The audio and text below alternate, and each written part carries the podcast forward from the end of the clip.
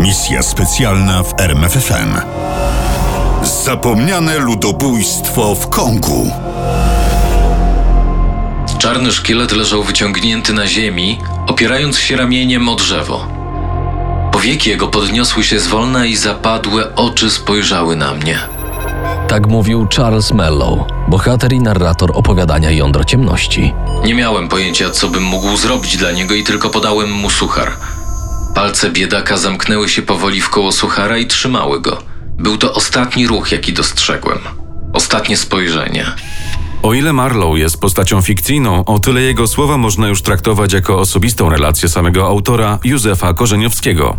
W czerwcu 1980 roku Gorzeniowski jako Joseph Conrad zszedł z pokładu parowca w porcie Boma u ujścia rzeki Kongo. Kilka tygodni wcześniej Korzeniowskiego zatrudniła belgijska spółka do handlu w Górnym Kongo. Miał pracować jako kapitan z rzecznego statku dla króla Belgii Leopolda II.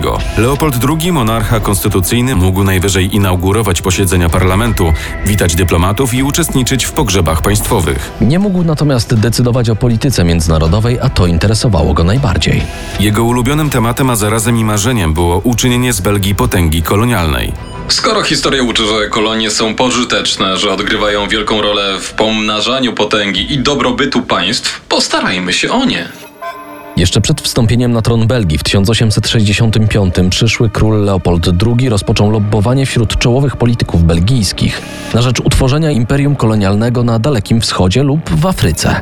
Wyobrażał sobie małą Belgię jako metropolię dużego zamorskiego imperium. Był przekonany, że kolonie są fundamentem wielkości kraju, więc uparcie kombinował, jak je zdobyć. Najpierw postanowił wykupić kolonie od Holendrów lub Portugalczyków. Kiedy to się nie powiodło, postanowił odkupić od Hiszpanii Filipiny. I tym razem plan nie wypalił. Rząd Belgii nie zamierzał włączyć się do wyścigu kolonialnego. Oficjalne stanowisko rządu brzmiało: Przyjęcie kolonii to dobry sposób na wydanie ogromnych sum pieniędzy, ale zysk z takiego przedsięwzięcia będzie niewielki lub nawet żaden. Skoro nie udało się w Azji, uparty król postanowił spróbować w Afryce. Tym razem jednak zabrał się do tego przedsięwzięcia zupełnie inaczej. Przede wszystkim zrozumiał, że nie może liczyć na rząd i dlatego postanowił działać jako osoba prywatna. We wrześniu 1876 roku Leopold zorganizował konferencję geograficzną. Do Brukseli zjechali się ludzie nauki i bogaci filantropii z Niemiec, Wielkiej Brytanii, Francji, a nawet z Rosji i Austro-Węgier. Ale najwięcej było Belgów, bo przecież w gruncie rzeczy to dla nich zorganizowano tę konferencję, a król Leopold miał w tym swój ukryty cel. Kiedy konferencja dobiegała końca, podpisano akt założycielski Międzynarodowego Stowarzyszenia Badań i Cywilizacji Afryki Środkowej. Stowarzyszenie było organizacją charytatywną, a pieniądze na jej działalność pochodziły z datków między innymi bogatej rodziny Rothschildów czy wicehrabiego Ferdynanda Lessepsa, twórcy kanału Sueskiego.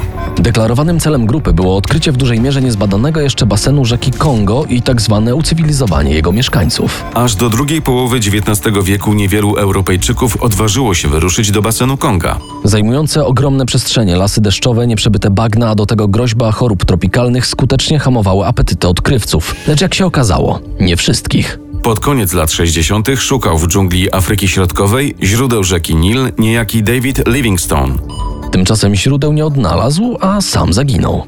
W 1869 roku redakcja gazety New York Herald postanowiła sfinansować wyprawę poszukiwawczą. Potrzebowała tylko ochotnika. I taki ochotnik się znalazł. Nazywał się Henry Stanley. Kim był Henry Stanley? Blisko 30-letni Henry Stanley, w interesującym nas okresie przełomu lat 60. i 70. był dziennikarzem, a zarazem żołnierzem i odkrywcą. Wyprawa poszukiwawcza ruszyła w 1871 roku i odniosła sukces. Stanley odnalazł Livingstona 10 listopada 1871 roku, niedaleko jeziora Tanganika na terenie dzisiejszej Tanzanii. Później twierdził, że powitał go słynnym obecnie zdaniem Doktor Livingstone, jak sądzę. I z tego Stanley jest znany najbardziej. W 1874 New York Herald i Daily Telegraph sfinansowały Stanleyowi kolejną wyprawę do Afryki. Jego ambitnym celem było sporządzenie mapy wielkich jezior i rzek Afryki Środkowej, a także okrążenie jezior Wiktorii i Tanganiki, a do tego jeszcze zlokalizowanie zorganizowanie źródeł Nilu. W latach 1875-1876 Stanleyowi udało się zrealizować pierwszą część swojego celu, ustalając, że jezioro Wiktorii ma tylko jedno ujście. Rok później Stanley i jego towarzysze przepłynęli rzekę Lualabę aż do miejsca, w którym skręca ostro na zachód. To wówczas przekonali się, że Lualaba jest tylko górnym odcinkiem rzeki Kongo. Płynęli więc dalej na zachód aż do jej ujścia. A po wyprawie napisał książkę, w której po raz pierwszy użył określenia czarny ląd, tak często dziś używany. Mniej więcej w tym samym czasie, w kwietniu 1877 roku, czyli pół roku po konferencji geograficznej, król Belgów Leopold II wysłał swoją pierwszą, na razie bardzo skromną wyprawę do Afryki Środkowej. Ale ekspedycja się nie powiodła. Z czterech Belgów dwóch zmarło na choroby tropikalne, a dwóch pozostałych zrezygnowało.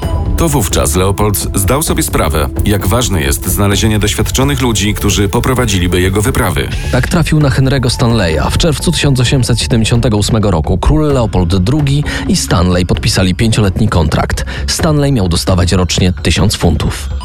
Przekonałem Leopolda, że pierwszym krokiem powinna być budowa szlaku wzdłuż brzegów Konga oraz sieci stacji handlowych przy rzece. W 1879 roku Stanley wyjechał do Afryki na swoją pierwszą misję, rzekomo pracując dla Komitetu Studiów nad Górnym Kongo. Rzekomo, ponieważ polecenia wydawał Stanleyowi sam król Leopold. Nie chodzi o kolonie belgijskie, chodzi o utworzenie nowego, jak największego państwa i o jego zarządzanie. Mówił król. Powinno być jasno, że w tym projekcie nie może być mowy o przyznaniu murzynom najmniejszej formy władzy politycznej. To byłoby śmieszne. Biali, którzy przewodzą placówką, mają całą władzę. Czarny kontynent musiał się poddać, dobrowolnie lub nie. Pisma Stanleya pokazują, że on również podzielał ten pogląd. Tylko udowadniając, że jesteśmy lepsi od dzikusów, nie tylko dzięki naszej mocy zabijania ich, ale poprzez cały nasz sposób życia, możemy kontrolować ich takimi, jakimi są teraz, na ich obecnym etapie. A jest to konieczne dla ich własnego dobra. Na trzy lata Stanley i jego brygada białych ludzi zniknęli na białej plamie mapy nieznanego dotąd serca Afryki. Kiedy usłyszano o nich kolejny raz, przetarli drogę w rejon Górnego Kongo i zorganizowali skąpą na razie sieć placówek. Do Europy Stanley wrócił tylko na krótki czas. Leopold II potrzebował go w Afryce. W 1883 Stanley ponownie wyruszył w górę rzeki. Robiłem to co zwykle. Kupowałem lojalność tubylców za sukno i różne drobiazgi, tak zwyczajne dla naszej cywilizacji, a cenne dla nich. A jak było trzeba, to szczułem jedno plemię przeciw drugiemu. No, Albo zabijałem jakiegoś upartego wodza, a potem rozmawiałem z jego przerażonym następcą. Tymczasem nieruszający się poza Belgię Leopold II wiedział, że ta cała czarna robota wykonywana przez Stanleya w Kongo jest na razie tylko zwyczajną efemerydą i może rozpaść się w każdej chwili. Po pierwsze, musieliśmy połączyć te małe enklawy w zwarte terytorium. Po drugie, potrzebowaliśmy zaakceptowania faktu tych zdobyczy przez mocarstwa światowe Stany Zjednoczone, Wielką Brytanię czy Niemcy. W listopadzie 1884 roku kanclerz Rzeszy Otto von Bismarck zwołał konferencję dla dyplomatów z 14 krajów. Celem było znalezienie pokojowego rozwiązania sytuacji w Kongo. To właśnie podczas tej konferencji uznano, że tereny w basenie rzeki Kongo nie powinny mieć żadnego związku z Belgią ani jakimkolwiek innym krajem, lecz miały znaleźć się pod osobistą kontrolą króla Leopolda jako wolne państwo Kongo. Wolne państwo Kongo było tworem korporacyjnym, kontrolowanym prywatnie przez Leopolda II za pośrednictwem organizacji pozarządowej, znanego nam już Międzynarodowego Stowarzyszenia Afrykańskiego. Uchwałą parlamentu belgijskiego Leopold został nie tylko suwerennym królem, ale wręcz sprawował nad tym państwem niemal całkowitą kontrolę. Praktycznie Kongo było osobistą własnością Leopolda, a jego istnienie miało przede wszystkim jeden cel przynosić zyski swoim inwestorom, a przede wszystkim samemu Leopoldowi. Tymczasem pojawiły się kłopoty. Eksport kości słoniowej nie był tak dochodowy, jak oczekiwano. Również ciężko było zrobić fortunę na handlu drewnem. Wyglądało na to, że ministrowie belgijskiego rządu mieli rację. W tej kolonii można tylko utopić pieniądze. Sytuacja poprawiła się w latach 90., kiedy świat zaczął potrzebować kauczuku naturalnego. I to mniej więcej wtedy pojawił się w Kongo Korzeniewski. Wytrzymał pół roku. Sześć razy chorował i tylko raz płynął parowcem w głąb lądu. Otrzymał zadanie przewiezienia chorego dyrektora filii w Stanleyville, niejakiego Kleina. Podróż w tej z powrotem w sumie 3400 km trwała 7 tygodni i 2 dni. Klein nie przeżył. Zmarł niemal u celu podróży. Śmierć Kleina, choroby, notoryczny brak pracy i panująca wokół nędza i tragedia autochtonów wykończyły Korzeniowskiego.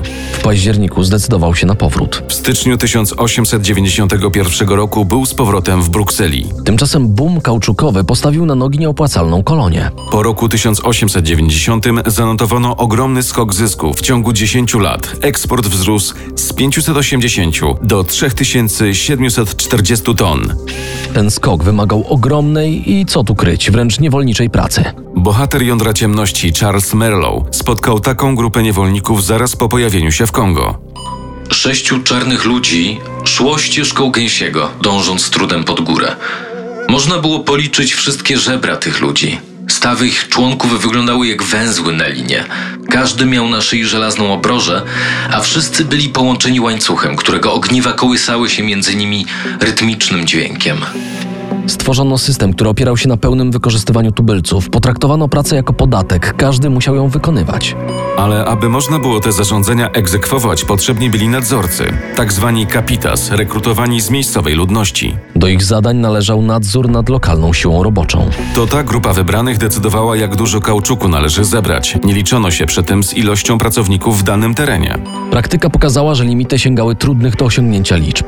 Z kolei niewykonanie limitów ściągało na ludzi kary. Jednym z wielu sposobów zmuszania ludzi do pracy ponad siły było zamykanie żon i dzieci w obozach jako zakładników. Drugim, równie okrutnym, wysyłanie opornych do obozów pracy. Śmiertelność w obu typach obozów była wysoka. Historycy dogrzebali się informacji, że jednego dnia umierało nawet 10 ludzi. Umierali powoli. To nie ulegało wątpliwości. Opowiadał Merlow. Nie zostało w nich już nic ziemskiego, były to tylko czarne cienie choroby i głodu leżące bezwładnie w zielonawym mroku. Lecz na tym nie koniec. Król Leopold godził się na tworzenie kolonii dziecięcych, a tam sieroty w szkołach prowadzonych przez misjonarzy katolickich przyuczano do zawodu robotnika bądź żołnierza. Według statystyk ponad połowa dzieci wysyłanych do tych szkół zmarła z powodu chorób, a tysiące zginęło w przymusowych marszach z rodzinnych wiosek do kolonii. Historycy opisali przypadek 108 chłopców wysłanych do szkoły misyjnej. Drogę przeżyło tylko 62, z czego 8 zmarło z wyczerpania tydzień później. Śmierć na stałe towarzyszyła zniewolonym Kongijczykom i dość szybko była stosowana przez Europejczyków jako kara za niewykonanie norm. I wtedy do akcji wkraczały tak zwane siły publiczne, czyli prywatna armia króla Leopolda, która miała dwa podstawowe zadania. Po pierwsze zastraszała ludzi, po drugie karała opornych. Pewien oficer opisał nalot mający na celu ukaranie protestującej wioski. Dowódca nakazał nam odciąć głowy mężczyznom i powiesić je na palisadach wiejskich, a kobiety i dzieci zawiesić na palisadzie z rozkrzyżowanymi rękami. Duński misjonarz, świadek śmierci jednego Kongijczyka, opowiadał później. Podszedł do mnie jakiś żołnierz i powiedział: Nie bierz tego tak bardzo do serca, zabiją nas, jeśli nie przyniesiemy kauczuku. Komisarz obiecał, że za dużą ilość rąk skróci naszą służbę. Jakich rąk? O czym on w ogóle mówił? Tu dochodzimy do kolejnego okrutnego zwyczaju. Siły publiczne były zobowiązane do przedstawienia dłoni swoich ofiar jako dowodu użycia amunicji. Skąd taki makabryczny wymóg? Otóż Belgowie, czy ogólniej mówiąc biali, nie byli pewni lojalności swoich afrykańskich policjantów i urzędników. Bali się, że przekazywana im amunicja może zostać wykorzystana podczas buntu. Peter Forbat, dziennikarz i autor książki The River Congo, pisał. Kosze z odciętymi rękami złożone u stóp dowódców stały się symbolem wolnego państwa Kongo. Zbieranie rąk stało się celem samym w sobie. Dłonie były czymś w rodzaju waluty. Zaczęto ich używać do uzupełniania braków w limitach zbiorów kauczuku, a żołnierze sił publicznych otrzymywali premie na podstawie liczby zebranych rąk. W praktyce, aby zaoszczędzić amunicję, żołnierze nierzadko oszukiwali. Odcinali rękę żywej osobie, skazując ofiarę na powolną śmierć. Kilku ocalałych zeznało później, że przeżyli masakrę udając martwych. Nie ruszali się nawet po odcięciu rąk. Czekali aż żołnierze odejdą. W końcu o tym makabrycznym procederze dowiedział się właściciel państwa król Leopold. Jak zareagował? Odcinanie rąk? Przecież to idiotyzm. Odciąłbym całą resztę, ale nie ręce. To jedyna rzecz, którą potrzebuję w Kongo. Brak dokładnych zapisów utrudnia oszacowanie liczby zgonów spowodowanych bezwzględnym wyzyskiem. Nie wiadomo też, ilu Kongijczyków zmarło z powodu chorób przywleczonych przez białych z Europy, na przykład epidemii grypy, ospy czy czerwonki. Szacunki są skrajnie rozbieżne. Część historyków przyjmuje za pewnik śmierć aż połowy populacji, czyli około 5 do 7 milionów osób. Inni są znowu ostrożniejsi. Mówią o ponad milionie ofiar. Cytowany już autor książki Congo River pisze, że w czasach wolnego państwa Kongo zginęło 5 milionów ludzi. Bez względu na to, czyje szacunki uznamy za właściwe, w każdym przypadku liczba jest okrutnie wysoka. Dlatego nie udało się ukryć tego okrutnego procederu Europejczyków w Kongo i przyczyniła się też do tego książka Józefa Konrada. W następstwie raportu polityków belgijskich z 1904 roku na temat zgonów i nieludzkich warunków pracy, Leopold II został zmuszony do zezwolenia Międzynarodowej Komisji na śledztwo w wolnym państwie Kongo. W 1908 roku naciski społeczne i dyplomatyczne doprowadziły do zakończenia osobistych rządów Leopolda II i aneksji Konga jako kolonii belgijskiej. Ale król mógł być zadowolony. W latach 1896-1905 zarobił na kolonii ogromną sumę 70 milionów franków belgijskich. Kiedy w 1908 roku rząd belgijski przejął administrację, sytuacja w Kongu pod pewnymi względami poprawiła się. Ograniczono brutalny wyzysk i arbitralne stosowanie przemocy. Artykuł 3 nowej karty kolonialnej mówił: Nikt nie może być zmuszany do pracy na rzecz przedsiębiorstw lub osób prywatnych. Te zarządzenia nie były jednak egzekwowane, a rząd belgijski w dalszym ciągu zmuszał autochtonów do przymusowej pracy, choć czynił to mniej okrutnymi metodami. Owszem, już nikt nikomu nie odcinał dłoni, natomiast ponure widmo śmierci niedożywionych ludzi z przepracowania nadal wisiało nad zamglonymi brzegami rzeki Kongo. Misja specjalna w RMFFM. Na tropie największych tajemnic historii.